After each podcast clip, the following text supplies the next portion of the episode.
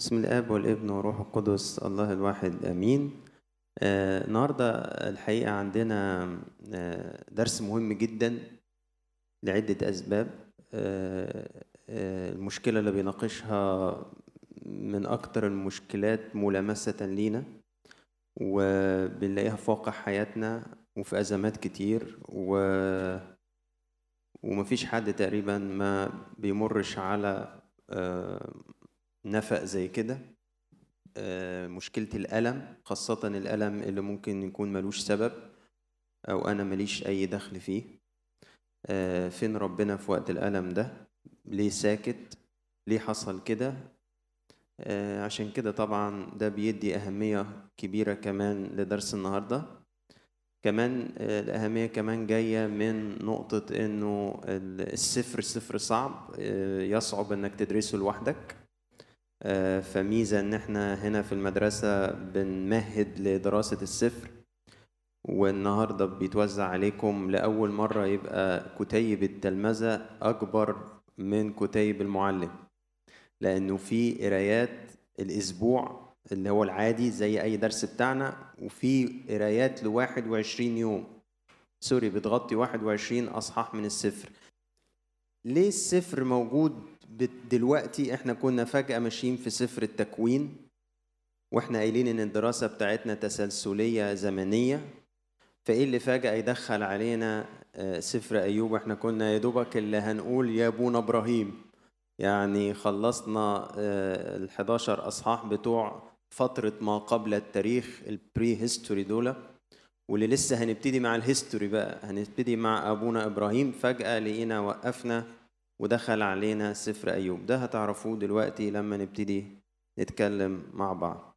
آه الأيقونة اللي قدامنا اللي محطوطة على ال presentation آه دي أيقونة بيزنطية للقديس يوسف القديس أيوب البار الرجل الكامل وهو لابس تاج ملكي لأنه بحسب التقليد هو يعتبر من ملوك المناطق العربية. وماسك في إيديه المقولة المشهورة بتاعته بالإنجليش الرب أعطى الرب أخذ فليكن اسم الرب مباركا. آه، صرخات المتألمين. السفر ده معبر جدا عن شكاوى المتألم. يعني ما أعتقدش إن في حد متألم هيتجرأ ويقول لربنا اللي قاله أيوب. هيكون قال اللي انت عايزه واللي عايز تقوله وأكتر منه.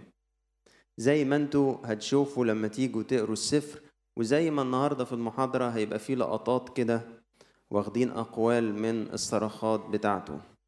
فالشخص اللي بيدخل في النفق المظلم ده اللي هي الآلام التي تبدو أنها بلا سبب والتي تبدو أنها لن لن تكون أيضا بفائدة. يعني إيه الفايدة اللي عايدة على ربنا إن هو يسيبني أتألم الألم ده كله. إيه طب إيه اللي يخليه يسيبني؟ هو أنا عملت إيه؟ النهارده مش بنتكلم عن الآلام الواضحة اللي ليها سبب. يعني أنا أخطأت وعملت كذا وكذا فبجني نتيجة خطئي. لا مش هو ده اللي بيتكلم عليه سفر أيوب. أيوب بيتكلم عن الألم اللي ملوش سبب. أنا ما عملتش حاجة. أنا مش أنا السبب في الظرف اللي أنا فيه. ومعرفش هو ليه مش راضي يخلص وإيه الفايدة اللي ممكن تعود عليا منه. فصرخات المتألمين دي ان أول صرخة منهم الله يبدو كغائب كأنه مش موجود. دي معاناة من معاناة الشخص المتألم البار المتألم أو التقي المتألم. إن الله يبدو كغائب. زي ما بيقول كده أيوب من يعطيني أن أجده فآتي إلى كرسيه. من ضمن الآلام الرهيبة في حياة أيوب إنه كان حاسس إنه مش قادر يحس بوجود الله خالص. خالص. وسط الألم بتاعه. فقال مين يديني ألاقيه؟ وآتي إلى كرسيه. بيقول تاني ها أنا ذا أذهب شرقا فليس هو هناك وغربا فلا أشعر به شمالا حيث عمله فلا أنظره يتعطف الجنوب فلا أراه. مش قادر يحس بربنا خالص مش قادر يشوف ربنا مش قادر يقول أنا في ضيقة بس ربنا معايا مش قادر يقول دي. صرخة تانية من صرخات المتألمين الله يبدو كظالم مش بس كغائب. لا ده لو حاضر حضوره سوري يعني سلبي ده ضدي. الله يبدو كظالم. فمن ضمن الجمل الرهيبة اللي قالها أيوب الحي هو الله الذي نزع حقي القدير الذي أمر نفسي. شوف الكلام ده صدر من أيوب بيقول كده. يعني هو بيحلف باسم ربنا بس بس هو بيحلف باسم ربنا بيقول إنه اللي هقوله إيه؟ هقول ده نزع حقي وأمر نفسي. بيقول في أيوب عشرة لا تستذنبني. بيقول لربنا كده ما تركبنيش ذنوب وخلاص أنا ما أخطأتش. فهمني لماذا تخاصمني؟ أحسنا عندك أن تظلم. يعني أنت كويس عندك إنك تظلم. أن ترزل عمل يديك هو هو ده شيء أنت تحب تعمله. عشان كده بنقول إن أيوب عبر بقوة. عن صرخات المتألمين. يقول كده لأن روحي تشرب سما من سهام القدير وأهوال الله اصطفت ضدي. وفي أيوب 24 يقول جملة رهيبة يقول الله لا ينتبه إلى الظلم. يعني سايب الظلم. سايبه. أقوال رهيبة جدا في سفر أيوب. استغربوا أن الوحي الإلهي يسيب هذه الصرخات. توصل وتكتب عشان تكون مصدر عزاء كبير لكل الأجيال. صرخة تالتة من صرخات المتألمين الإحساس بالألم الشديد والضياع. يعني لما الألم يشد جدا جدا الواحد يحس بضياع رهيب. بيقول كده في أيوب سبعة هكذا تعين لي أشهر سوء وليالي شقاء قسمت لي. إذا ضجعت أقول متى أقوم. الليل يطول وأشبع قلقا حتى الصباح. أيامي أسرع من الوشيعة وتنتهي بغير رجاء. صرخة إن الله يبدو كغائب الله يبدو كظالم وإحساس بألم شديد وضياع. عشان كده بيجي فليب ينسي واحد من أشهر الكتاب المعاصرين اللي كتبوا عن قضية الألم وفين ربنا لما تألم. ليه بتاع أربع كتب مثلا عن الموضوع ده بس. يقول تأتي لحظة يكون الإيمان أصعب الأمور وأقلها احتمالا. تأتي لحظة الملابسات اللي إحنا لسه محكينها دي كلها يقول يكون الإيمان أصعب حاجة تتعمل في الوقت ده. وأقل احتمال موجود إن الشخص ينفع يؤمن في ظروف زي كده. لكن بيقول وهي نفس اللحظة التي تكون الحاجة إلى الإيمان ماسة جدا. ولكن للأسف هي نفس اللحظة اللي الاحتياج للإيمان على أشد ما يكون. هي هي اللحظة اللي الإيمان أصعب ما يكون وأقل احتمال من أي وقت تاني. في سفر أيوب الله متهم بالتواطؤ. يعني اللي منكم في حقوق أو غيره يقول لك القانون أحيانا يعاقب واحد على الصمت تجاه جريمة. يعني إنه يبقى عارف إن في جريمة تحصل ويسيبها تحصل وما يبلغش عنها وما يحاولش يمنعها ممكن القانون يحاكمه. اللي يقرأ أيوب واحد واتنين هيصل لي انطباع صعب جدا. إن الله متهم بالتواطؤ ضد أيوب. عشان كده المقدمة بتاعت النهاردة مهمة جدا عن هذا السفر العجيب وهذه الشخصية الغريبة. الثمان نقط دول آه، المفروض إن المقدمة بتستعرضهم أرجو إن الوقت يساعدني هستعرض منهم ستة. وهسيب آه، رقم ستة وسبعة يعني هاخد واحد اتنين تلاتة أربعة خمسة تمانية. اللي متزهي عليهم هم أهم حاجة في الموضوع اللي هو أربعة وخمسة وتمانية. نشوف أول نقطة. مين هو كاتب هذا السفر؟ كاتب هذا السفر بحسب آراء آه، مفسرين كتير من الكتاب المقدس يقولوا عنه إن هو شخص يهودي. يعني لا هو أيوب ولا هو واحد من أصحابه. هو واحد يهودي. طب أنتوا إيه اللي خليكم تقولوا كده؟ قال لأني المقدمة بتاعت السفر والخاتمة استعمل فيهم اسم ربنا اللي هو يهوى كتير في حين إن الحوار اللي بين أيوب وأصحابه لأن أيوب وأصحابه مش يهود ما استعملش الاسم يهوى استعمل شداي أو إلوها اللي هو يعني زي جزء من إلوهيم من المقطع بتاع إلوهيم. ففي حوارات أيوب وأصحابه اسم ربنا يجي يا إما شداي يا إما آه، إلواه. لكن في المقدمة للسفر وفي الخاتمة يجي يهوى في في يدوبك في كام؟ في في 25 مرة في المقدمة وفي كلمات الرب وفي الخاتمة. في حين إن ما يجيش على لسان الحوارات اللي بين أيوب وأصحابه إلا مرة واحدة. وفي حين بقى الحوار اللي بين أيوب وأصحابه لأنهم مش يهود وما يعرفوش يهوى فالحو... فكل ما يجي اسم ربنا يجي شداي جه 14 مرة وإلوها جه 20 مرة. فتوصلوا إنه الكاتب شخص يهودي. من بره الدايرة بتاعت أيوب وأصدقائه. طبعا اللي أنا بقوله ده اللي هو إيه؟ الآراء الأرجح. لكن هتلاقي آراء كتير يعني. هتلاقي اللي يقول لك اليه وغيره يعني. وهتلاقي اللي يقول لك أيوب نفسه وهكذا يعني. زمان السفر السفر ده اتكتب إمتى؟ يقول لك في زمانين يختصوا بسفر أيوب. القصة نفسها حصلت إمتى؟ واتكتب السفر إمتى؟ لأن ده ليه زمن وده ليه زمن. بيقول لك إن زمان أيوب نفسه ده زمان مبكر جدا.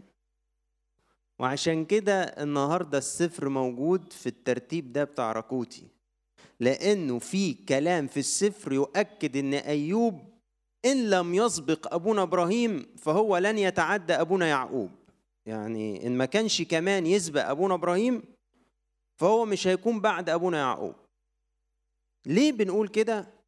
من الوقائع دي. أول حاجة قال لك ثروة أيوب زي الجيل الأوائل ده بتقاس بالعبيد وبالماشيه ما بيتقالش إن عنده ذهب وعنده فضة وعنده مش عارف إيه و... لا بالغلمان وبالماشية زي العصور المبكرة الأولى. وكمان طول وعاش سنين طويلة عدت المئة عام وده كان في عصر آه، المبكر بعد أبونا إبراهيم وأبونا إسحاق. بتبتدي الأعمار إيه؟ تقل. فإن نلاقي واحد يعيش 200 وي و300 لا ده غالبا ده بقى فعلا قبل أبونا إبراهيم. كمان بيقدم ذبايح عن أولاده فده بيقوم بدور كاهن الأسرة فده زمان مبكر. كمان في غارات تمت عليه من آه، السبئيين والكلدانيين ودي القبائل دي مشهورة جدا في سفر التكوين وفي قصة أبونا إبراهيم. كمان استعمل في أيوب 42 آه، الهدايا اللي أصحابه جابوها له فيقول لك قسيطة القسيطة دي العلماء بتوع آه، لغات الكتاب المقدس قالوا دي موجودة في سفر التكوين أصحاح 33 عدد 19 والمقصود بها قطعة من الفضة. ما جاتش خالص كلمة قسيطة دي بعد زمن يشوع بن نون ما شفناش خالص في الكتاب المقدس. فما ينفعش يكون أيوب من زمن متأخر. عشان كده بنقول إن زمان أيوب نفسه زمان القصة بتاعته زمان مبكر يرقى إلى آه، ما قبل أبونا إبراهيم أو في أكثر التقدير زمان أبونا يعقوب لكنه ما كانش من شعب الله. ما كانش من شعب الله. هو كان يقال المنطقة بتاعت عوص دي اللي هي المنطقة العربية اللي نواحي يعني منطقة سوريا والجزيرة العربية كده في المنطقة دي ويقال إنه كان من الملوك بتوعها. أما زمان كتاب السفر ففي رأيين. رأي يقول إنه قبل خروج بني إسرائيل من مصر وعشان كده الكاتب اليهودي ما جابش أي سيرة عن قصة الخروج وممكن كمان الآراء مفسرين يقول لك ده ممكن يكون أساسا كتب لهم السفر لتعزيتهم في الضيقات الرهيبة اللي كانت عليهم في أرض مصر. يعني كتب السفر بشكل رعوي يهون ويشجع ويشدد من هم في ضيقة في أرض مصر. ده رأي. ورأي تاني يقول لك إن هو ما بين حكم سليمان إلى سبي بابل. اتكتبت طب كتبت إزاي؟ ما القصة نفسها قديمة يقول لك الكاتب اعتمد على تقليد شفاهي أو مكتوب واستخدمه بوحي من الروح القدس وحط له مقدمته وخاتمته. وده شيء وارد في الأسفار بتاعة الكتاب المقدس. ثالث نقطة اللغة والنص. لغة عبرية صعبة الأسلوب والصياغة وعشان كده من الحاجات المشهورة جدا يقول لك سفر أيوب ده ما تفهمش منه حاجة ليه؟ لأن هو أصلا بلغته الأصلية العبرية جاي بصياغة صعبة وبأسلوب صعب فكل ما يجي حد يترجمه للغة الترجمة نفسها تبقى صعبة وتلاقي الترجمة العربي تديك معنى شوية يختلف في بعض النقط عن الترجمة الإنجليش يختلف شوية عن الترجمة الفرنش لأنه كل مترجم بيبذل قصارى جهده إنه يحاول يفهم بالظبط إيه اللي مقصود ويكتبه. فلما نيجي نقارن ترجمات ببعضها تلاقي الترجمات آه، تحس زي ما تكون بتصدر لك في بعض المقاطع معنى مش قريب من بعض. ده جاي من التكوين الأصلي الصعب بتاع السفر الترجمة السبعينية تقل في حجمها عن النص العبري المازوري يعني الترجمة السبعينية اللي استخدمها باقي الكنيسة. واللي موجودة وليها اعتبارها النص بتاعها أقصر من النص العبري المازوري نبدأ بقى في نقط اللي هي رهيبة يعني. منظور السفر. إيه منظور السفر؟ يعني السفر ده إيه إيه باصص منين؟ أستأذنكم بس أستعين ببعض المقولات من الكتاب.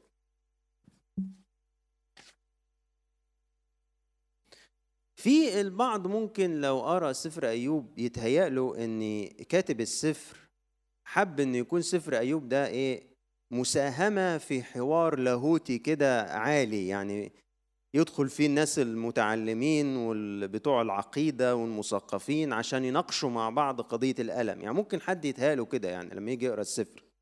يقول لك يعني الكاتب قصد إنه يكون السفر حاجة زي كده.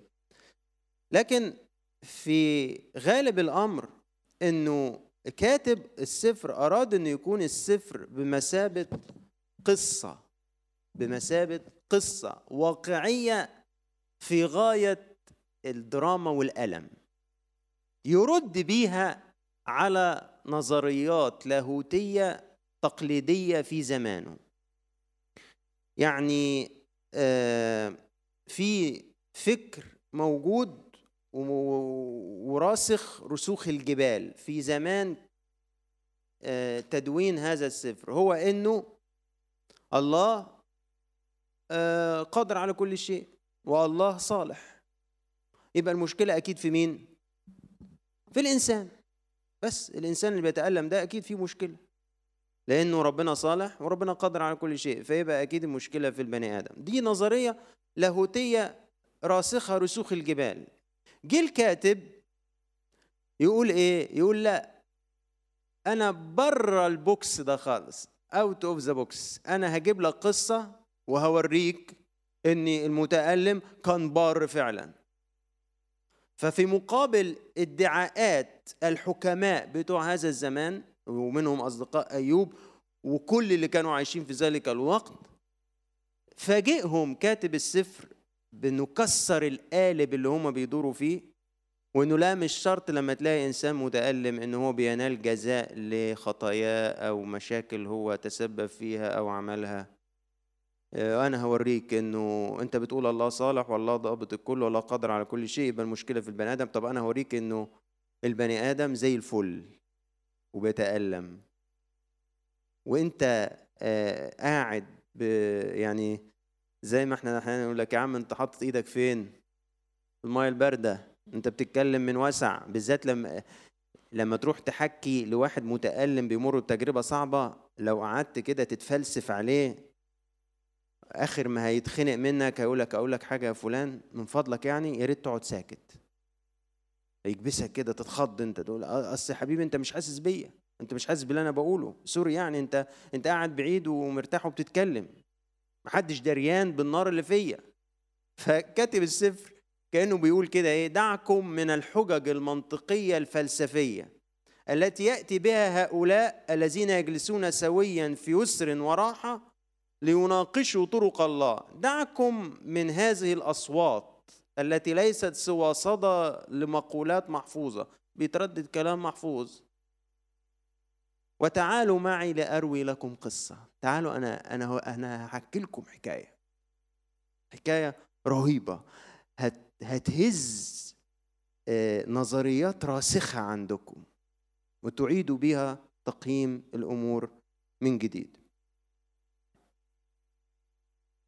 البناء اللاهوتي للسفر ورسالته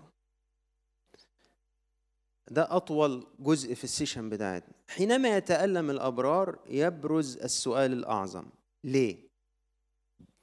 هل الله مش قادر على كل شيء؟ هل الله مش صالح؟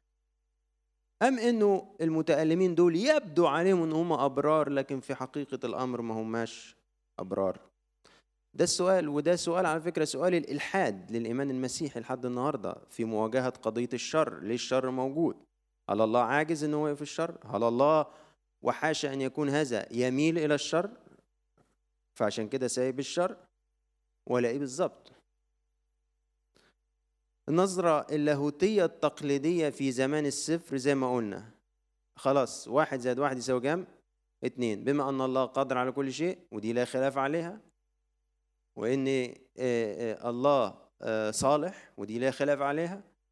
وكمان في حاجة ثالثة متفق عليها أن الجميع زاغوا وفسدوا وأعوزهم مجد الله. مفيش حد بلا خطية. والكتاب بيقول كده إذا فكل شخص يعاني نتيجة ذنوبه وبقدر ذنوبه. دي النظرية اللاهوتية في زمان كتابة السفر. واحد زائد واحد يساوي اتنين. الله صالح. الله قادر على كل شيء كل البشر خطاة. إذا كل إنسان بيعاني نتيجة ذنوبه وبقدر ذنوبه. دليل بقى الكلام ده من السفر يعني هم قالوا له كده لأن هم كانوا مصدقين كده وفاهمين كده فده اللي قالوه له. فأنا جايب يعني اكزامبلز من كلامهم. زي ألفاز التيماني. ألفاز التيماني ده كان بيحدف طوب. اذكر من هلك وهو بريء. وأين أبيد المستقيمون؟ كما قد رأيت أن الحارثين اثما والذارعين شقاوة يحصدونها. بلدد الشوحي قال إلى متى تقول هذا وتكون أقوال فيك ريحا شديدة؟ هل الله يعوج القضاء أو القدير يعكس الحق؟ إذا أخطأ إليك إليه بنوك دفعهم إلى يد معصيته. يعني عيالك ماتوا عشان هم يستاهلوا.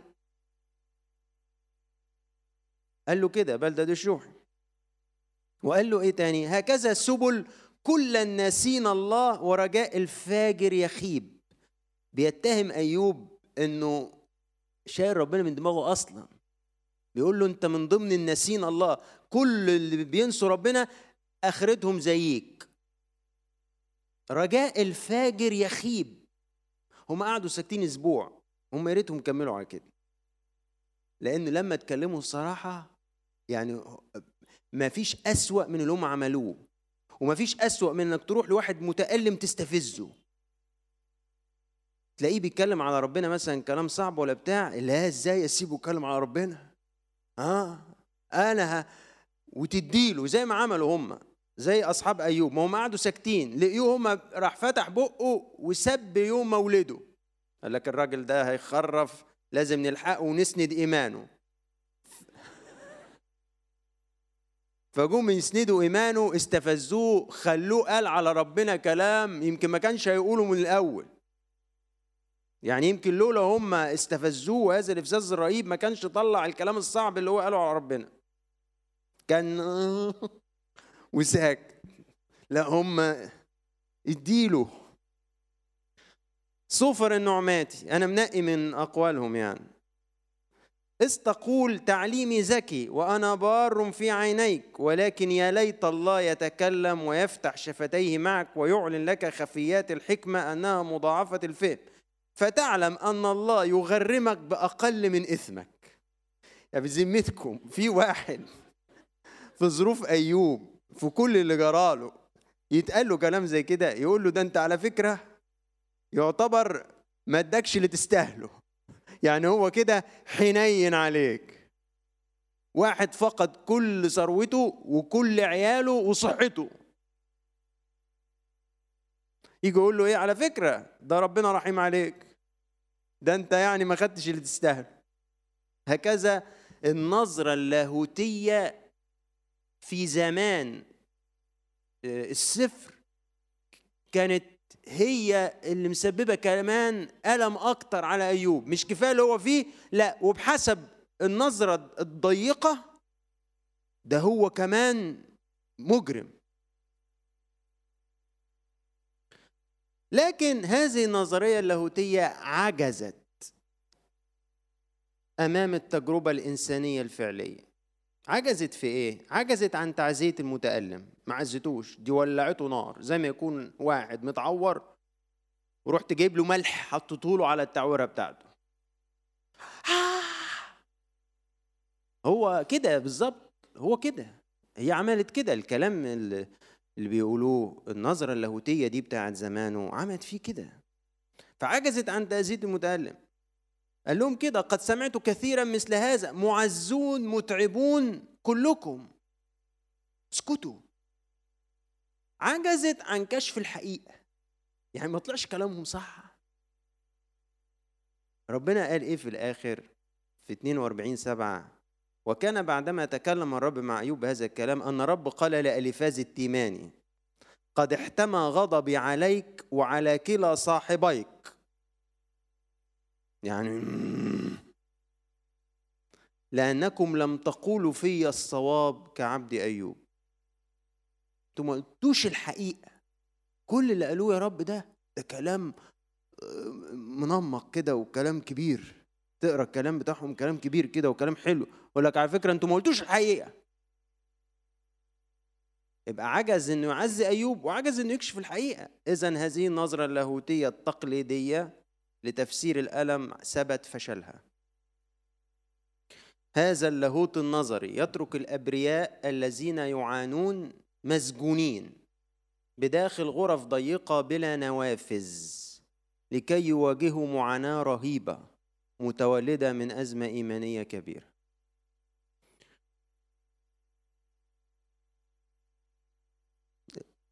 اللغز العظيم. اللغز العظيم كان بالنسبة لأيوب إن الله اللي هو في الأصل تلجأ له وقت الشدة هو الشدة. يعني اللي في الأصل الناس بتروح لربنا لما يبقى إيه؟ وقع في ضيقة وقع في شدة عشان الله يسندها. يصبح الله هو اللغز اللي في الموضوع. جه بقى كاتب السفر راح مكسر القالب ده خالص وراح قال لك بص بقى الله بار. أيوب بار. لا كده مش تنفع. يعني ما هو لازم حد فيهم يطلع إيه؟ غلطان. فبما إنه ما ينفعش الله يكون غلطان يبقى لازم أيوب يكون غلطان. فجي كاتب السفر قال لك لا الله بار أيوب بار. أو بمعنى آخر الله صالح قادر على كل شيء فعلا وأيوب ليس مثله في كل الأرض. الله طب إزاي أنت دي يعني تجيبها إزاي؟ فقال لكن ما نجهله هو أن الكون ليس الله ونحن فقط. بيجي كاتب السفر كده عارفين أنتوا الشخص اللي يفاجئك بتحليل مختلف خالص بره الحوارات اللي دايرة كلها؟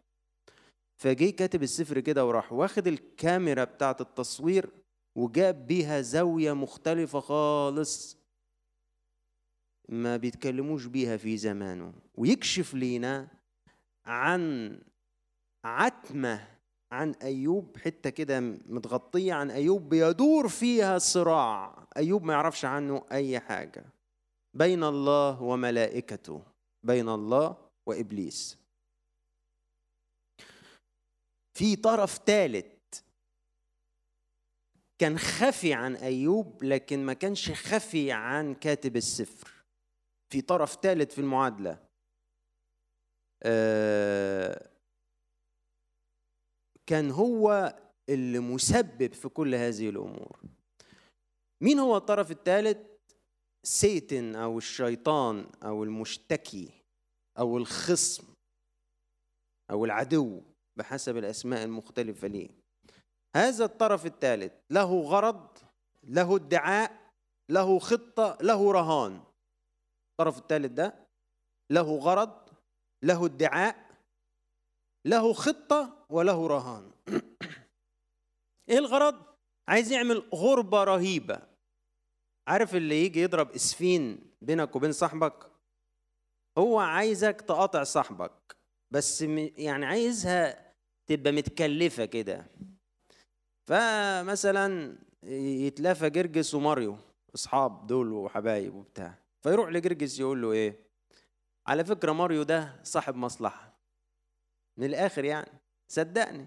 عارف أنت لولا إنك دايما كده لما يعوز حاجة بتعديها عليه مش عارف تسد مكانه في إيه مش عارف إيه. لولا كده ما يعرفكش خالص.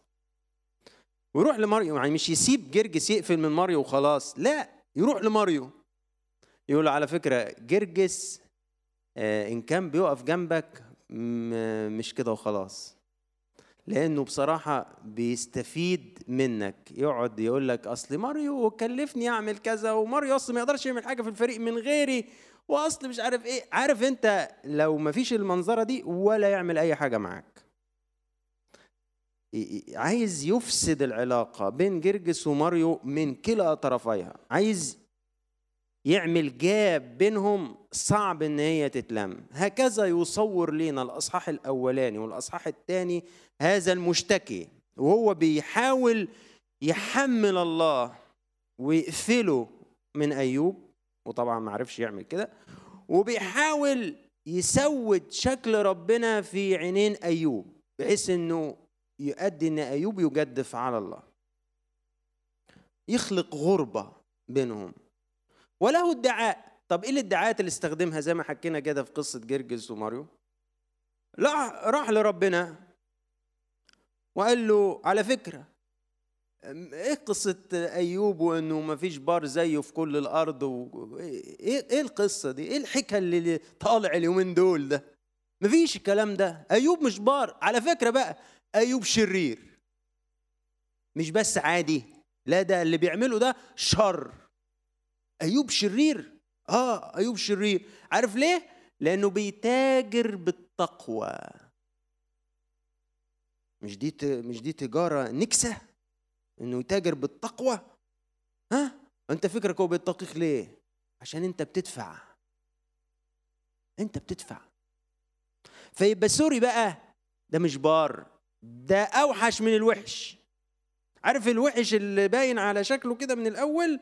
ده فيه الهون عن اللي, اللي بيتكسب ويتربح من وراء تقواه لأن أنت بتدفع له. وراح لأيوب قال له حبيبك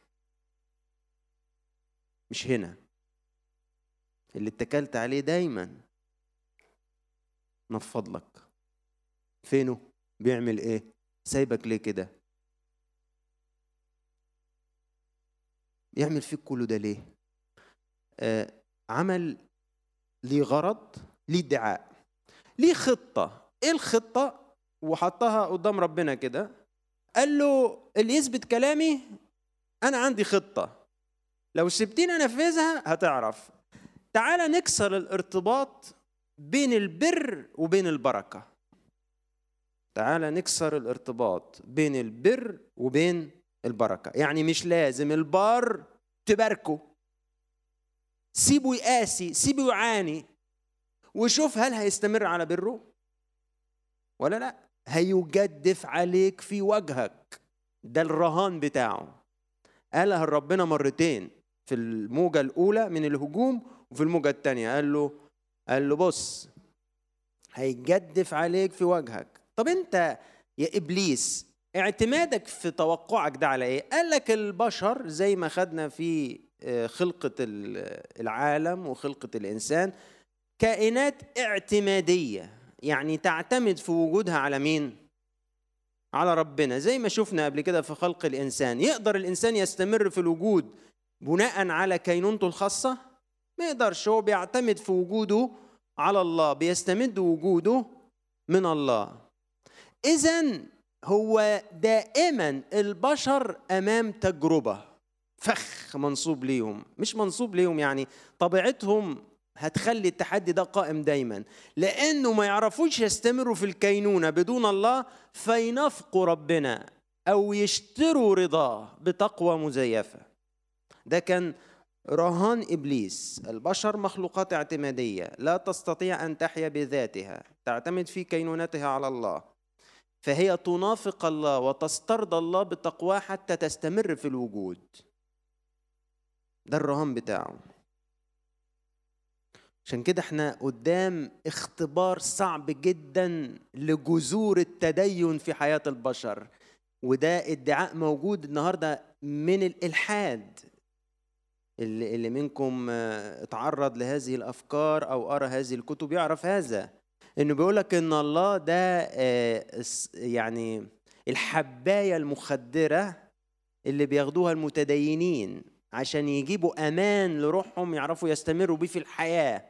عشان هم محتاجين دايما يحسوا إنه في كائن أعظم منهم يتكلوا عليه. الادعاء ده موجود على لسان الإلحاد لحد النهارده إن الله هو آه، زي ما قال كار ماركس في مرة الدين أفيونة الشعوب. بيعملوا بيه دماغ تسندهم في حياتهم. اختبار صعب لجذور التدين بتاع البشر. الموجة الأولى من الهجوم. آه، طبعا هتقروه باستفاضة ذات يوم وأبناء وبنات يأكلون ويشربون خمرا في بيت أخيهم الأكبر. رسولا جاء إلى أيوب الحاجات دي لو اتعملت فيلم مش هتطلع بالحبكة دي. يعني عارفين المصائب لا تأتي فرادة متهيألي ده حد كان قاري سفر أيوب وبعدين راح مطلع المقولة دي. كده ورا بعض ورا بعض ورا بعض.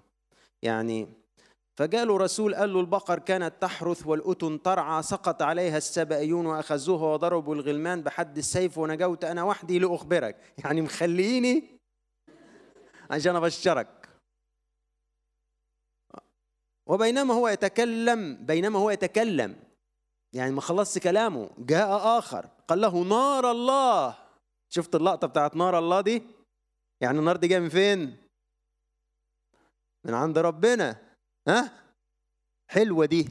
دي دي دي محطوطة شطة من فوق كده. نار الله سقطت من السماء فأحرقت الغنم والغلمان وأكلتهم ونجوت أنا وحدي لأخبرك.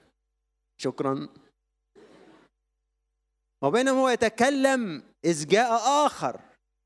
وقال الكلدانيون عينوا ثلاث فرق فهجموا على الجمال وأخذوها وضربوا الغلمان بحد السيف ونجوت أنا وعدي لأخبرك. آه، طبعا إحنا ما عندناش تجارب إحنا إحنا بنلعب يعني طبعا.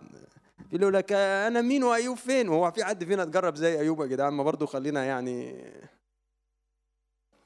وبينما ده بقى بينما هو يتكلم إذ جاء آخر وقال بنوك كل اللي فات ده كوم ودي كوم. بنوك وبناتك. كانوا يأكلون ويشربون خمرا في بيت أخيهم الأكبر. وإذ ريح شديدة جاءت من عبر القفر وصدمت زوايا البيت الأربع فسقط على الغلمان فماتوا ونجوت أنا وحدي لأخبرك. فقام أيوب مزق جبته وجز شعر رأسه وخر على الأرض وسجد. شفتوا حد يواجه أهوال زي دي بالسجود. ده إبهار. يعني سجود لربنا. يعني وقال عريانا خرجت من بطن أمي عريانا أعود إلى هناك. الرب أعطى. الرب أخذ. فليكن اسم الرب مباركا. في كل هذا لم يخطئ أيوب ولم ينسب لله جهالة. عشان كده نقول الموجة الأولى دي انتهت بنجاح أيوب بنجاح مبهر. إنه البشر متدينين لأنهم يحبوا الله مش لأن الله بيدفع. أهو كل علامة للبركة سلبت منه ولا زال يقدم سجود لله.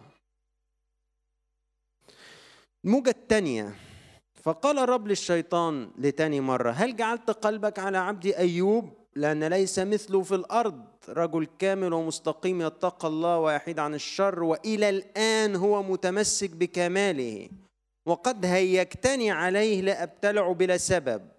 وأنا مش هعمل كده.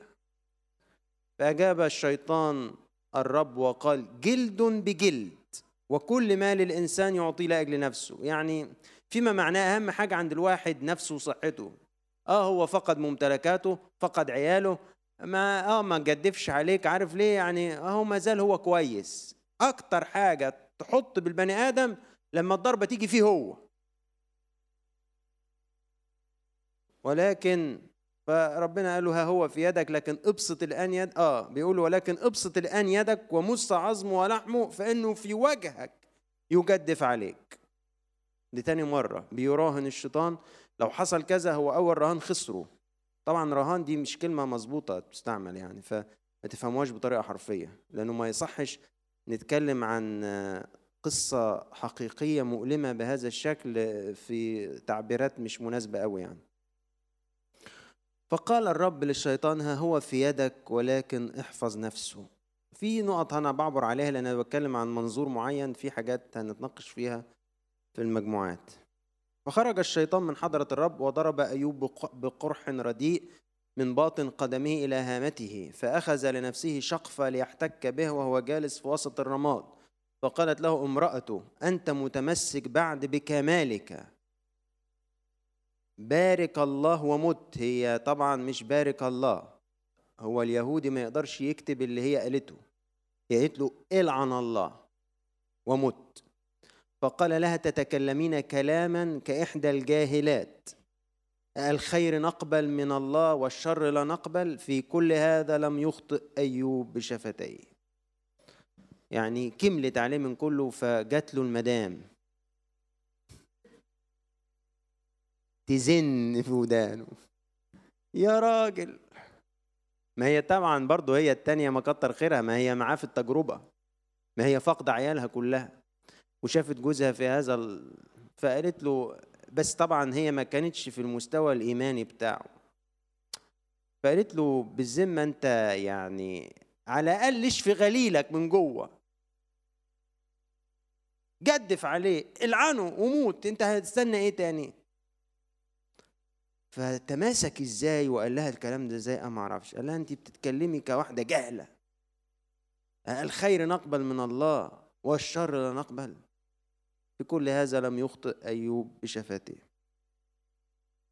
طيب عايزين نفصص أكتر بنظرة عامة. إيه الأهوال اللي واجهت أيوب؟ انتزع من أيوب كل علامة تشير لرضا الرب عنه. يعني أيوب على فكرة ما كانش عايز بركات. هو بس البركات بتفهمه إن ربنا ماله بيحبك راضي عنك مباركك. اتاخدت منه كل علامة ممكن تفهمه إن الله بيحبه أو قابله أو معاه. تاني نقطة تعرض لهجوم شرس من اللاهوت التقليدي لأصحابه. زي ما أنتوا طبعا سمعتوا عينة من الأقوال اللي قالوها له. تالت نقطة بقى ودي بقى عملت له أزمة أكبر.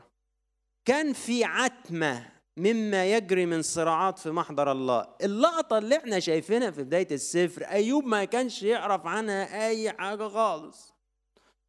والجهل ده زود ألمه.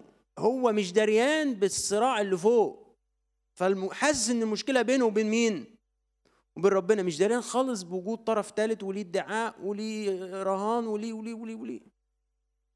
ومن هنا كان الله بالنسبة لأيوب هو اللغز الأعظم في الموضوع.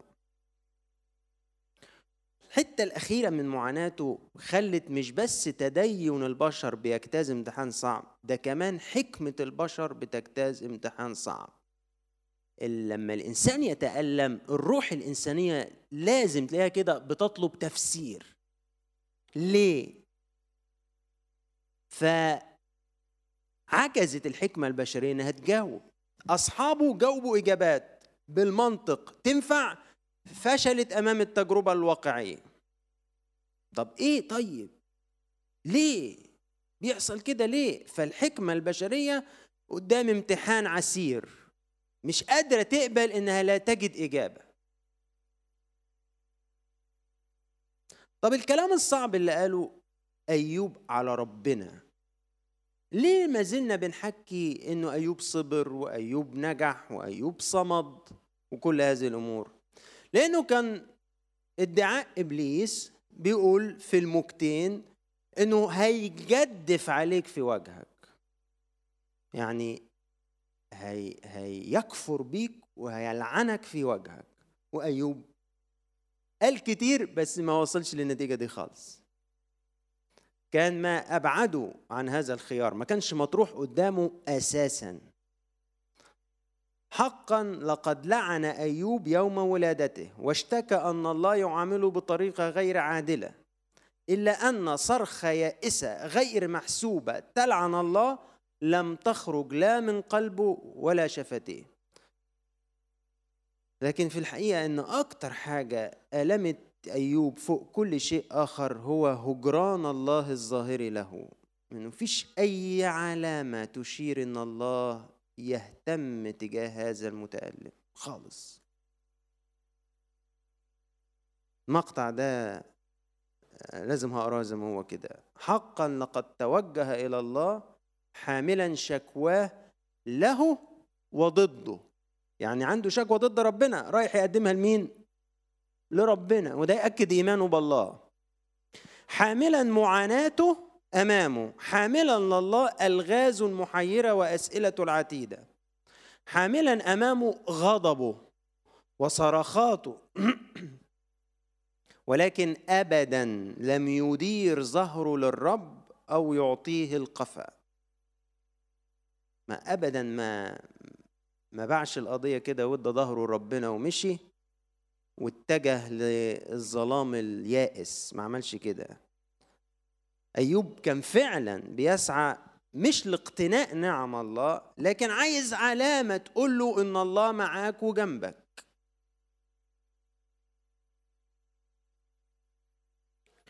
بنيجي أصحاح مهم بيقف في النص كده في السفر اسمه أصحاح 28 ليه الأصحاح ده مهم؟ لأنه بيجي بعد في two cycles من محادثات أصدقاء أيوب وجواب أيوب عليهم.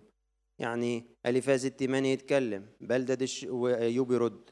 بلدد الشوحي يتكلم وأيوب يرد. صوفر النعماتي يتكلم وأيوب يرد. وبعدين يبدأوا جولة تانية. اليفاز التيماني يتكلم تاني وأيوب يرد. وصوفر النعماني يتكلم تاني وأيوب يرد. بلدد الشوحي وهكذا. بعد الدورتين دول ما خلصوا نلاقي كده أصحاح طلع في النص عن الحكمة وإزاي اني هي أروع وأثمن ما هو يمكن أن يقتنيه الإنسان وإن رغم إن الله أعطى الإنسان حكمة ميزوا بها لما خلقه إلا أنها بحدود فهي عاجزة عن إدراك كامل معاملات الله. آه بتدرك أمور لكن تعجز أن تلم بكل طرق الله. يجي كاتب السفر ويروح حاطط القطعة دي في النص عشان يفصل بينها. يقول لك آدي الحكمة البشرية لدى أصحاب أيوب الثلاثة وقد عجزت. وآدي حكمة أيوب أيضا وعجزت لأن الحكمة التي لدى البشر بحدود وتعجز عن إدراك كامل أحكام الله. بيمهد. عشان لما يجي ربنا يتكلم لأيوب وما يقولش لأيوب برضه هو ليه سمح بكده بس يقعد يكشف له بقى الحكمة الإلهية مش البشرية. الكائنة في الكون وفي الخليقة وفي تسيير أمور الخلق أيوب يعترف فعلا أن حكمته حكمة ناقصة لا تستطيع أن تدرك وتلم بكل أمور حكمة الله. فده زي تمهيد. وبيجي أصحاح 28 ينتهي بإيه؟ حيث أن الحكمة البشرية ليست بلا حدود فإنه أفضل ما يميز البشر هو أن تكون حكمتهم هي مخافة الرب والحيدان عن الشر. دي أحسن حكمة ممكن البشر يقتنيها إنهم يخافوا الله ويحيدوا عن الشر. ودي الحكمة الحقيقية اللي ميزت أيوب طول الوقت. أحاديث أليهو من أصحاح 32 ل 37 بعد أصحاح الحكمة ده. منظور إنساني آخر عن سبب معاناة الناس. ما يختلف اختلافات بسيطة عن أصحاب أيوب. ما فيهوش نفس العنف تجاه أيوب بس هو مصر يبرئ الله برضه. يعني اليهو آه، بيغلط أيوب في هجومه على الله. ده اللي ويبدو أنه لهذا الله ما غضبش من أليهو لأنه كان كل دفاع أليهو وزعله من أيوب هو هجوم أيوب على الله. لكن ما كانش بيتهم أيوب بنفس الاتهامات الشنيعة بس برضه بيلمح له إنه اقبل التأديب ده ده لخيرك ده لمصلحتك. بس ما بيقولوش أنت يعني ما بيقولوش الكلام الصعب اللي قالوه أصدقائه. في الآخر الشيطان صمت أو خرس أصحاب أيوب سكتوا أيوب سكت. لكن أخيرا تكلم الله. لما تكلم ربنا لأيوب التقي اجبر أيوب إنه يصمت. مش اجبره يعني قال له أنت تسكت خالص لا كلام ربنا خلى أيوب إيه؟ يسكت. بس نوعين من السكوت صمت أسف وندم على الكلام المتسرع المؤسف اللي قاله ضد ربنا؟ ودي نقطة إحنا بنتغافلها على فكرة عشان لما تيجي تكلم واحد يكون بيلخبط في الكلام كده على ربنا يقول لك ما أيوب قال. أيوه طب أيوب ندم واعتذر أنت ندمت واعتذرت. يعني أيوب أعلم بصراحة ندمه. مش مش كل حاجة أيوب قال أيوب قال أيوه أيوب قال وندم وتاب. أنت ندمت عن الكلام اللي قلته في حق ربنا؟ ففي صمت أسف وندم كمان في صمت راحة. راحة؟ أيوه راحة. جت منين الراحة؟ هو خف؟ لا لسه ما خفش. هو استرد ممتلكاته؟ لا لسه ما استردش. طب مرتاح من إيه؟ حضور الله حمل إليه راحة. عشان كده أيوب ما كانش تاجر تقوى. لأنه وهو لسه فاقد كل شيء ارتاح في الله. وسقطت عنه كل الأسئلة المحيرة اللي كانت عنده اللي قعد يقولها لربنا طوال السفر. حديث ربنا كشف عن بقى طب إيه وجهة نظرك يا رب؟ سمعنا وجهة نظر أصدقاء أيوب سمعنا وجهة نظر أليهو. أهم واحد محتاجين يا رب كنا نسمع وجهة نظره أنت. الأيوب غير مدان. أيوب مالوش ذنب. على فكرة كل التفاسير اللي تقعد تحير وتدير تطلع لأيوب غلطة أصله كان عنده بر ذاتي أصله مش عارف إيه يعني برضه في نفس الفكرة عايزين يبرئوا ربنا نفس التوجه عايزين يبرئوا ربنا فبيحاولوا يطلعوا قطة فاطسة في أيوب لا هو ربنا قال أيوب بار غير مدان. ولكن ليس هناك من إعلان عن سبب منطقي أو قانوني لمعاناته. يظل الأمر السر بالنسبة لأيوب. فقط حضور الله وسط معاناته ينهيها وينكشف لأيوب أنه لم يعد كما كان قبل التجربة. أيوب بتاع النهارده مش هو أيوب اللي قبل كده. طب ده كان بره اللي قبل كده؟ آه ودلوقتي بره أكتر بكتير ويعرف ربنا أكتر بكتير. خرج منتصر لنفسه ولله وللبشر الذين يتقون الرب لمحبتهم في الرب. وخرج, وخرج بمعرفة جديدة لله ولدت من رحم المعاناة. في الأب نادر ميشيل اليسوعي من الكنيسة الكاثوليكية ليه كتاب كده عن الألم هل من معنى؟ على خطى أيوب والمزامير ويسوع. فكاتب المقطع ده اللي أنا واخده منه. بيقول إن أيوب يبدو أنه نال نورا متصاعدا في معرفة الله خلال التجربة بتاعته. ومن هنا أيضا نفهم مسيرة أيوب نحو الله فقد مرت بالحوار الغاضب وبالرجاء الواثق. في مسيرته الروحية تدرج أيوب في مواجهة مع الله فنسمعه أولا يطلب حكما بينه وبين ربنا. لو كان بيننا حكم يجعل يده على كلينا لرفع عني عصاه ولما روعني رعبه. يعني عايز حد يصالحه على ربنا. ثم يتبين أن الله يشهد له أمام أصدقائه. بعدين موقفه اتغير.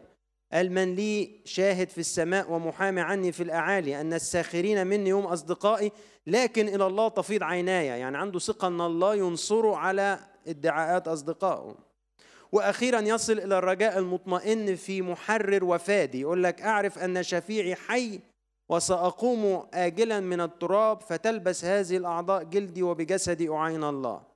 في تدرج في اللغة من من خصومة لثقة أن الله ينصفه لرجاء هائل في القيامة. ومن هنا يتضح أن أيوب تلقى نورا متصاعدا خلال تجاربه حتى شهد شهادته العظيمة قد علمت أنك تستطيع كل شيء ولا يعصر عليك أمر فمن ذا الذي يخفي القضاء بلا معرفة؟ ولكني قد نطقت بما لم أفهم بعجائب فوقي لم أعرفها. ها أنا أسألك فتعلمني بسمع الأذن سمعت عنك والآن رأتك عيني لذلك أرفض وأندم في التراب والرماد. الخلاصة بتاعة المنظور اللاهوتي للسفر؟ سفر أيوب رسالة رعوية كتبها كاتبها بوحي روح القدس وتوجه بها إلى المتألمين الأتقياء في زمانه. عشان يقول لهم حاجة إن الله يثمن بركم فوق أي أمر آخر. والشيطان يعرف جيدا أنه في سبيل إحباطه لقصد الله عليه أنه يهاجم البر والتقوى اللذين لرجال الله. وبيقول إن ثبات الأتقياء الأبرار في معاناتهم تقودهم لنور متصاعد في معرفة الله وتشهد لله شهادة حسنة أمام الملائكة والناس وتخرس إبليس في صراعه مع الله. الخلاصة كمان تقول إن كاتب السفر يذكر بلطف المتألم البريء أن الحكمة الحقيقية أن نكرم الله بحب فوق كل عطاياه وأن نثق في صلاحه وحكمته حتى لو عجزنا عن تفسير طرق عناية بينا بيقول لهم كمان إن المتألمين الأبرياء والأتقياء مدعوين أن يثقوا فيه ويعترفوا به ويخدموا ويخضعوا لسيادة الله الكلي القدرة والكلي الحكمة والعلم والذي بآن هو محب البشر الصالح. عالمين أن بعض الآلام والمعاناة تأتي نتيجة صراع خفي بين مملكة الله ومملكة الشيطان بين مملكة النور ومملكة الظلمة. النقطة دي تحديدا متوسع فيها جدا فيليب ينسي في كتاب عندما لا تمطر السماء اللي عايز يرجع لها اللي هي المعركة الخفية المتسببة في معاناة أيوب. من صفحة 191 ل 199 آخر نقطة سفر أيوب وليتورجية الكنيسة القبطية. طبعا سفر بهذا الزخم كان طبيعي جدا إنه يحتل يعني مكانة كبيرة في لترجية وطقس الكنيسة القبطية. أولا شخص أيوب نفسه محطوط في مجمع التسبحة بتاع القديسين. اطلبوا من الرب عنا يا صفوف الأنبياء والأبرار والصديقين اطلب عنا أيها الصديق أيوب. ليغفر لنا خطايانا. طبعا ما طلبش عننا الصديق أيوب مين اللي هيطلب يعني. كمان الكنيسة بتعيد لعيد نياحته في اتنين بشمس كمان بيذكر في الثؤطوكية بتاعة آه، آه، يوم الحد القطعة الثامنة السلام لك يا مريم ثبات أيوب البار. طب إيه علاقة القديسة مريم بأن أيوب ثبت في التجارب الصرخة بتاعت أيوب أليس من مصالح يضع يده على كلينا؟ اعتبرت نبوءة عن دور الابن المتجسد في صنع الصلح بيننا وبين الله. ومن هنا تبقى القديسة مريم كرمز لسر التجسد آه، يقال عنها إنها ثبات لأيوب البار كمان مذكور في الزوكسولوجية الخمسة للصوم الأربعين المقدس الزوكسولوجيات اللي بتتصلى في الصوم الأربعين المقدس يقول لك بالصوم والصلاة ترأف الله على عبده أيوب ومنحه الشفاء. سفر أيوب والصوم الكبير. طبعا آه، النبوات بتاعت قطمارس الصوم الكبير طبعا أغلبنا بيقراها. دايما هتلاقوا إنه في استعانة كتير خالص تكاد تكون بصفة شبه يومية بمقاطع من سفر أيوب. ما عدا الأسبوع الأولاني والثاني ما فيهوش غير قرايتين وقرايتين. لكن باقي الأسابيع كل يوم من الاثنين للجمعة سفر أيوب موجود. ليه؟ لسببين. كأيقونة للتوبة وكأيقونة للثبات أمام التجارب. تقول لي التوبة التوبة فين؟ أقول لك إيه؟ لذلك أرفض وأندم في التراب والرماد.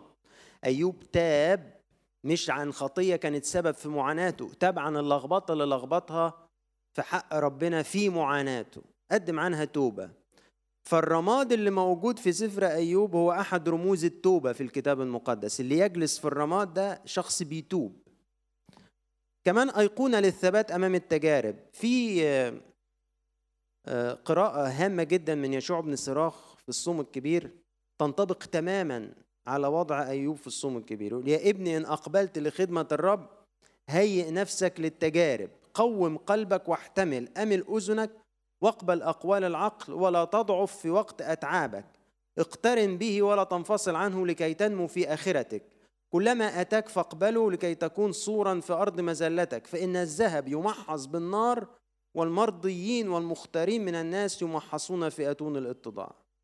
النبوءة دي من يشوع بن صراخ. في الصوم الكبير تحسها تفسير إجمالي لسفر أيوب. سفر أيوب وأسبوع البصخ طبعا أساسا في أربع اسمه أربع إيه؟ أربعة أيوب لأن بيتقري فيه سفر أيوب كله بالإضافة لإنجيل القديس لوقا وكمان موجود في قرايتين يوم ثلاثة البصخة قراية يوم الأربع وتانية يوم الخميس طب ليه؟ ليه موجود في أسبوع البصخة؟ أيوب البار كنموذج سابق للمسيح المتألم البار الذي لم يفعل خطية ولا يوجد في فمه غش. ولكن كل ده كان بسبب حسد إبليس. ففي في تجربة أيوب حسد إبليس باين في المشهد وفي صلب المسيح حسد إبليس حرك رؤساء الكهنة والكتبة عشان يسلموه حسدا زي ما قال بيلاطس. تاني سبب لوجود السفر في أسبوع البصخة صبر أيوب كان ظل لصبر أعظم. قد رأيتم صبر أيوب ورأيتم عاقبة الرب. كان صدى ورمز لصبر أعظم من صبر أيوب هو صبر المسيح على الصليب. اللي موجود في عبرانيين 12 يقول لازم من أجل السرور الموضوع أمامه احتمل الصليب مستهينا بالخزي فجلس في يمين عرش الله. وفي الساعة الستة من يوم الجمعة العظيمة بنصلي لحن أومونوجينيس.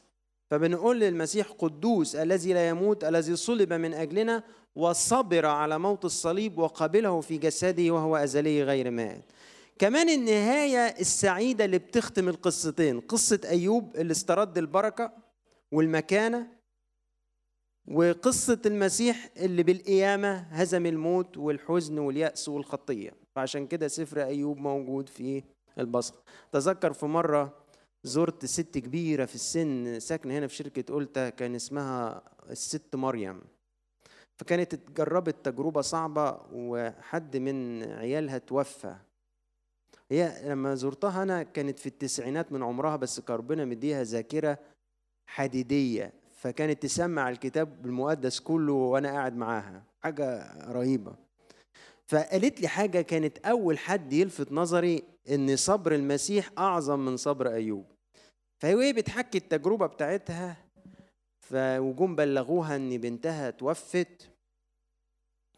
فقالت رحت صرخة وقلت له اديني صبر من صبرك على الصليب. مش هقول لك اديني صبر أيوب اديني صبر من صبرك على الصليب. فكان أول حد يلفت نظري إن صبر المسيح على الصليب كان أعظم من صبر أيوب أو إن صبر أيوب كان ظل لصبر أعظم. آه، هو آه، صبر آه، المسيح. إلى هنا أعاننا الرب ولإلهنا كل مجد وكرامة إلى الأبد. آمين. أنا عندي أزمة مع سفر أيوب في حد ذاته. هل هو حقيقي ولا ولا قصة خيالية؟ قدسك قلت إن السفر اتكتب نقلا شفاهي أو عن طريق التواتر أو إن هو وحي جه مباشر عن طريق ربنا. ف... أنا ما قلتش دي. الأخيرة دي ما قلتهاش. أنا قلت إن هو نقلا عن تقليد أقدم. طيب لكن ما قلتش إن هو جه كده وحي من عند ربنا كده. طب كده أنت كده سهلت عليا المهم. هو لو لا عادي أنا أقول اللي قلته عادي يعني. بغض النظر ده هيوصلنا لأنه نتيجة يعني. أكذب؟ برضو قدسك قلت انه الفترة ما بين حدوث القصة أو كتابتها ما بين آه، آه، عصر إبراهيم أو ما قبله لغاية عصر السبي. ودي تقريبا أو عصر موسى. أو عصر موسى. ودي تقريبا ما بين 400 600 700 سنة. وممكن ترتقي كمان نقول ل 500 سنة لو اعتبرنا إن هو في زمان أبونا إبراهيم. فبين أبونا إبراهيم وبين موسى حاجة بتاعت 500 سنة.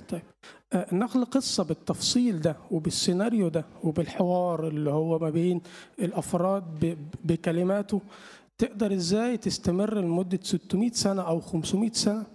وإحنا اللي بنشوفه في عصرنا دلوقتي إن إحنا ممكن نختلف على شخصية من 50 سنة فاتت هل كانت بتعمل كده ولا لأ في عصر التوثيق وعصر التصوير؟ كمان الحوار اللي دار ما بين الله وما بين الشيطان إزاي يقدر كاتب ينقله شفاها نقله إزاي؟ يعني قدر إزاي إن هو يشوف الحوار ده؟ آه، كمان نقطة تانية إنه آه، قصة بالأهمية دي يعني حد زي أيوب يعني دار صراع ما بين الله وما بين الشيطان. آه، قصة فيها كل العبر والعمق ده. إزاي كل الكتاب في اسفار موسى وما تلاه والملوك وإلى آخره كل ده ومحدش فيهم ينوه عنه أو يقتبس من القصة في حين إن بولس اقتبس وحكى عن بر أيوب وعن إيمانه. فأنا بشوف ان كل ده إزاي تعدي قصة بالعمق ده وبال- وبالعظمة دي تمر مرور الكرام على كل الأنبياء دول لغاية لما نلاقي نتفاجئ كده بسفر مكتوب بيحكي عن حد زي أيوب. أشكرك يا مايكل. آه هنحاول نجاوب على الأسئلة اللي اثرها مايكل. فيما يتعلق بس هقولهم من الأسهل للأصعب فيما يتعلق ب آه، ليه أيوب مش جاي ذكره في باقي الأسفار؟ يعني كشخصية بهذا الشكل. طبعا السبب آه، آه، اولا لابد أن نذكر أنه أصلا جه ذكره في حسقيال 14 لما بيقول أنه في ثلاث شخصيات لو وجدوا في مدينة وأنا ههلكها آه، آه، يخلصون ببرهم. قالوا ثلاث مرات قال أيوب أو نوح وأيوب ودانيال. فهو في هذا الأصحاح ذكر ثلاث مرات إنه ضمن ثلاثة على رأسهم ريشة. إنه لو جت آه، مصيبة في مدينة بسبب خطاياها وكان فيها الثلاثة دول ينجون ببرهم وحدهم. ففي حسقيال ذكر أيوب ثلاث مرات. آه، فده اولا إن هو ذكر. ثانيا ليه الندره بتاعت ذكره اللي هيقرأ منكم مقدمة سفر أيوب لأبونا تدرس يعقوب هيكتشف إنه كان في آه، دائما آه، ميل لإنه ما يعلاش أيوب عن أبونا إبراهيم. يعني الربيين اليهود الربيين اليهود آه، آه، في آرائهم تلاقيهم إيه آه، عارضها أبونا تدرس بعضهم بيحاول يحط من قدر أيوب آه، عشان ما ما يبقاش راسه براس أبونا إبراهيم لأنه مش يهودي. ف فأيوب شخص غير يهودي. زيه زي مثلا شخصيات أخرى آه، جت في تاريخ شعب الله اتحط عليها سبوت كده في لقطات وخرجت بره المشهد لأنه ما كانش ليها الدور المستمر في سلسلة أنساب المسيح. ففي في شعب زي شعب نينوى في قصة يونان في زي آه، رعوز زي رحاب. الناس دي لولا إنه ليها آه، آه، جدر بعد كده هيجي في سلسلة أنساب المسيح هم اتشافوا كده لقطة بتقول إن الله بيتعامل مع الأمم. وإنه له في كل أمة وفي كل شعب من يتقيه ويصنع البر مقبول عنده لكن الكتاب أصلا ماسك أبونا إبراهيم. لحد ما في نسله يتبارك جميع قبائل الأرض فهو آه، ندرة ذكره لا تلغي ذكره ولا تلغي إنه هو آه، شخصية آه، حقيقية حتى إن الربيين اليهود ما حدش فيهم أنكر حتى الآن من زمان ولحد دلوقتي أنكر إنه ممكن يكون شخصية رمزية أو آه، كذلك آباء الكنيسة ما حدش فيهم خالص تعامل مع أيوب باعتباره إنه شخصية رمزية أو قصة آه، غير حقيقية. النقطة الثانية بالنسبة للتدوين. التدوين مش بيفتح سؤال حوالين سفر أيوب لوحده لكن ده بيفتح آه، حوالين آه، مجمل آه، الأسفار الخمسة. لأنه لو تعرفوا إن إيمان الكنيسة إن مين اللي كتب الأسفار الخمسة؟ موسى. طب وموسى بيحكي لنا إحنا ما درسناش غير 11 أصحاح في سفر التكوين. بيقال عليهم إنهم عصر ما قبل التاريخ. ليه ما قبل التاريخ؟ يقول لك لأنه التاريخ بدأ بالكتابة. فحيثما إنه ما فيش كتابة يبقى إحنا لسه التاريخ ما ابتداش. فأول 11 أصحاح ما قبل أبونا إبراهيم بيطلق عليهم prehistory طب ال prehistory ده موسى عرفه منين؟ طب يا ترى اللي كتبه كتبه صح ولا غلط؟ يبقى اذا السؤال اللي بيثيره مايكل عن سفر أيوب هينطبق أيضا على آه، بالتحديد كمان بأكتر وضوح أول 11 أصحاح في سفر التكوين كلهم لأنهم prehistory ما قبل الكتابة. وده بي هنا بيقول إنه آه، بيشاور لنا على إنه مفهوم الوحي هو إن حقيقة تعلن والله يحفظ كاتبها وهو بيعبر عنها. وده برضو اللي بيفسر لي هو الحوار طيب أصحاب أيوب وحكوا مع بعض. القصة اللي بين الله والشيطان دي مين شافها؟ دي تعلن للكاتب السفر تعلن ليه تكشف ليه. وهو يروح كاتبها ومعبر عنها وتيجي في صياغات بشرية مش عشان تتفسر عن الله بشريا ولكن عشان توصل المفهوم آه، للإنسان. فإذا هنا لابد من وجود آه، عشان أقدر أعدي السؤال اللي بيقوله مايكل لابد من وجود حتة إيمانية بالوحي. طبعا الوحي أصلا ككلمة برضو تفسيرها يحتاج لكورس لوحده لأنه الوحي ده كلمة بتتفهم عندك أنت غير عند اللي جنبك غير هنا غير هنا. كل واحد بحسب الثقافة اللي فيها والكتب اللي قراها والبرامج اللي سمعها. كلمة الوحي دي بتسمع عنده حاجة. في اللي بيتهيأ هو ما أقول له وحي إنه في حاجة منزلة كده من فوق ملته. لا مش هو ده عندنا الوحي في المفهوم المسيحي. لكن ال- الوحي هو إن الشخص بثقافته وبمواهبه وبوزناته استودع في يد روح الله عشان يعبر عن الأمور الإلهية بطريقة محفوظة من الزلل. وعشان كده ما نقدرش ناخد كل حاجة آه، في الكتاب المقدس إن هي حرفيا لازم تتفسر حرفيا. لا لازم تتفسر كمان في سياق الزمن بتاع الكاتب وثقافة الكاتب وإلا أنا النهاردة ليه؟ النهاردة خدت وقت وأقول كاتب السفر. طب ما أنا خلاص ما أنا بؤمن إن كل آه، كل الكتاب هو موحى به من الله كنت أقول لا كاتب السفر هو الروح القدس وخلصنا على كده. فاهمين قصدي؟ آه، أرجو أن أكون في حدود اللي أعرفه. يعني ربما تحصل على إجابات أفضل من مصادر أفضل يعني. في ممكن سؤال ماركو عشان قبل كده كان عايز يسأل وما خدتش بالي منه. بس اللي هيسأل بعد مايكل. أنا هعمل نفسي مش واخد بالي منه عشان تبقوا عارفين بس. اتفضل ماركو.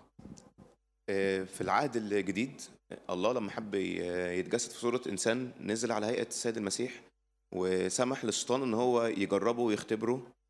آه، ونرجع للعهد القديم برضو سمح للشيطان إن هو يحكي معاه وي- ويجربه ويدخل معاه في نقاش يعني. إيه مدى سلطان وعلاقة الشيطان بالله يعني علشان يحكي معاه ويدخل معاه في نقاش واختبار؟ دي النقطة بقى اللي لسه إحنا قايلين عليها إن هنا مش هنقدر ناخد الكلام بشكل حرفي. يعني هو يقول لك إيه؟ جاء بنو الله ليمثلوا أمام الله وجاء إبليس أيضا في وسطهم. فالسؤال اللي حكى فيه أباء الكنيسة كتير وهتقروا الكلام ده في التفاسير يقول لك إيه اللي جابه ده؟ الأشكال دي إيه اللي دخلها هنا؟ كده يعني. أيوه فعلا الأشكال دي إيه اللي دخلها هنا؟ فاولا الحضور حضور روحي لأن لا الله ليه جسد ولا إبليس ليه جسد فالحضور هنا حضور روحي. حوار عقلي بين الكائنات يعني بين الله الكائن وبين إبليس مش حضور مكاني. لكن اللغة اللي هتقراها لازم بتبسط لك الأمر عشان تفهمه بطريقة يعني مفهومة. كمان آه، الآباء يقول لك آه، آه، يعني الله شافه وهو لم لم يرى الله لأنه مظلم ويعجز عن إدراك الله فكأنه هو أمام الله ولكن الله ليس أمامه. طبعا آباء الكنيسة ليهم تعبيراتهم كده اللي أنت يعني لما تدوقها تستطعمها بس برضه تحسها إيه يعني إزاي طيب؟ يعني هو كان أمام الله لكن الله لم يكن أمامه. قال- عايز يقول لك إن هو ما ينفعش أساسا لا هيشوف ربنا ولا هيعرف يشوفه. لأنه مظلم كاملة. لكنها تعبيرات توصل لي إن كان في صراع دائر. زي مثلا ما يقول لك إيه فراح ربنا قال له هل جعلت قلبك على عبدي أيوب؟ الله هو ربنا اللي بيشاور له على أيوب. بيفتح عينه على أيوب. لا الله يعلم اللي جاي من التجوال في الأرض ده في مخه إيه؟ فبيقول له آه أنت إياك. يعني بيك- بيكشف أفكار إبليس اللي تكونت من جولانه إنه حط عينه على أيوب وهكذا عشان نقدر نفهم الأمر. أما في العهد الجديد فالأمر يختلف ليه بقى؟ لأن الله اتخذ جسدا. فأصبح الصراع بينه وبين إبليس زي الصراع اللي بيننا إحنا وبين إبليس. ما يجي لك إبليس كده وأنت تقول إيه؟ يا أبو ده الشيطان مش سايبني. طب أنت شفت الشيطان؟ لا ما شفتوش. طب وبتقول بثقة إزاي كده إن الشيطان مش سايبني وجاب لي فكرة كذا وفكرة كذا؟ لأنك أنت تعلم دور هذا المخرب وإن الفكرة دي فكرة شيطانية. فهكذا حورب الرب المجد على جبل التجربة. ولكن أحيانا في القامات العالية وطبعا ده بالأكثر ينطبق على ابن الله المتجسد أحيانا إبليس يظهر ب بشكل مادي معين يكشف عن بشاعته. آه، زي ما في قصص بعض القديسين. فده وارد برضو إنه يكون في حالة رب المجد على جبل التجربة. كان في نوع من من هذا الظهور ال- ال- ال- ال- ال- اللي ليه ملامح. لكن طبعا مش بيحصل والحمد لله يعني في حالاتنا إحنا. لأن إحنا من زمان وإحنا بنخاف من الأوضة الضلمة عشان بيبقى فيها إيه؟ عفاريت؟ أنتوا إيه مش كنتوش بتخافوا من الاوضه الضلمة ولا إيه؟ طيب برضو أرجو إن أنا أكون آه، حاولت أجاوب ماركو بقدر ما أعلم يعني. آه، طبعا مش هقدر أكسف أبونا توما فلازم أبونا توما يسأل. طبعا اتفضل أبونا.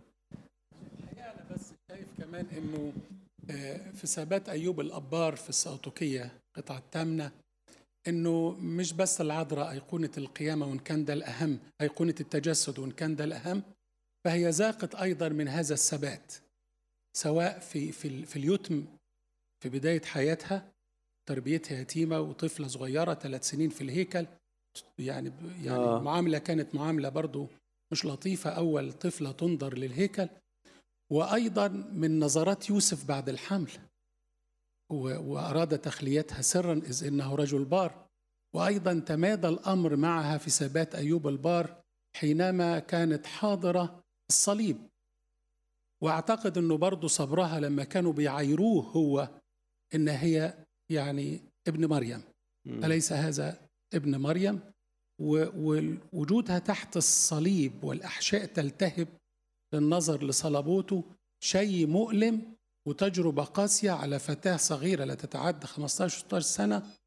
وده أعتقد يعني في رؤية الآباء أنه حطوها مع ثبات أيوب مع الأيقونة الكبيرة وهي أيقونة التجسد. آه، نشكر أبونا. أبونا خدنا بقى لزاوية تانية إنه في حياة أمنا العذراء القديسة مريم ثبات كثبات أيوب.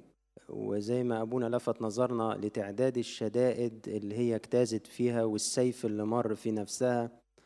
فإن كان الأمر آه، إنه في باعتبارها أيقونة للتجسد كانت آه، تعتبر سبب في ثبات أيوب فايضا آلام أيوب وثباته كانت تعزية لأمنا مريم في الشدائد والمحن اللي هي مرت بيها. مين دوه